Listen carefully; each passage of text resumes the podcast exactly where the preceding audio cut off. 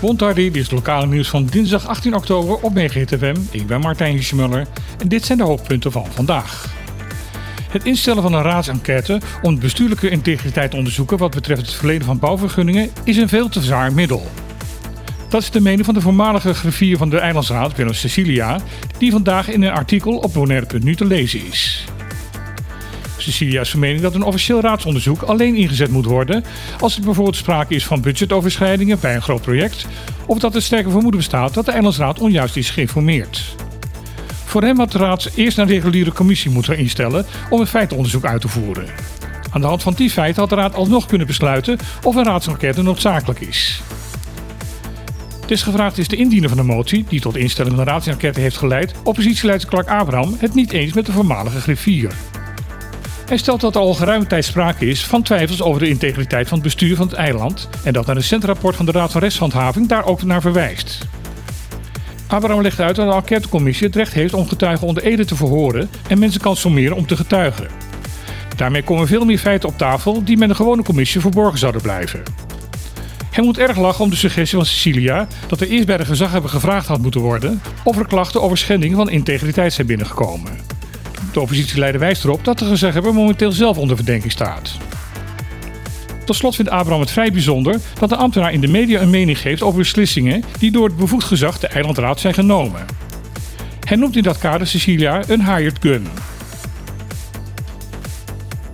Het grensgebouw van Bonaire moet beter worden beveiligd. Dat is de mening van de president van het gemeenschappelijk hof van justitie, Maurits Tekort. Hij deed deze uitspraak bij de installatie van een nieuwe rechter op Bonaire, Joost Veerman. De Kort is van mening dat Bonaire nog te veel wordt gezien als een soort paradijs. Een plek waar geen nare dingen gebeuren. Volgens hem is dat een te rooskleurig beeld. Hij wijst erop dat er regelmatig gebeurt dat veiligheidsmedewerkers tijdens en rondom rechtszaken moeten ingrijpen en soms ook de politie moeten waarschuwen om assistentie te verlenen. Momenteel is er groot onderhoud bezig aan het gebouw van het gerechtshof. Hierbij zullen diverse aanpassingen worden doorgevoerd om de situatie veiliger te maken. Daar hoort ook de installatie bij van een tassenscanner. Deze ruimtegewerk moet daarvoor een extra aanbouw worden neergezet, waar het OLB een vergunning voor moet afgeven. Die laat echter op zich wachten. Uit het oogpunt van veiligheid doet Tekorte een dringend beroep op de OLB om het gerecht hierin te faciliteren. Dat is volgens hem in het belang van de veiligheid van iedereen.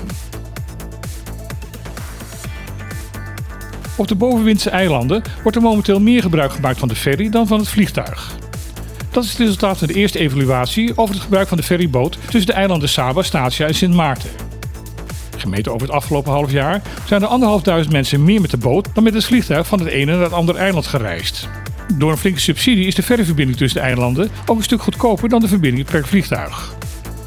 Staatssecretaris Alexander van Huffelen, die deze cijfers bekend heeft gemaakt, verwacht in het eerste kwartaal van het komende jaar een uitgebreidere evaluatie te kunnen presenteren.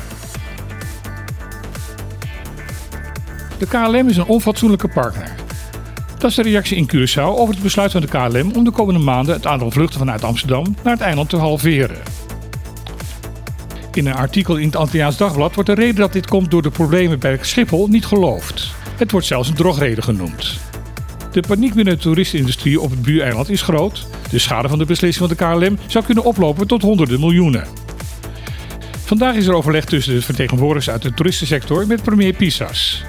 De vraag aan de Curaçaose regeringsleider is om zijn Nederlandse ambtgenoot Mark Rutte te bewegen om dit op het hoogste bestuurlijk niveau weer terug te draaien. Voorlopig staat Bonaire bij de KLM nog niet op de planning om extra opvluchten gekort te gaan worden.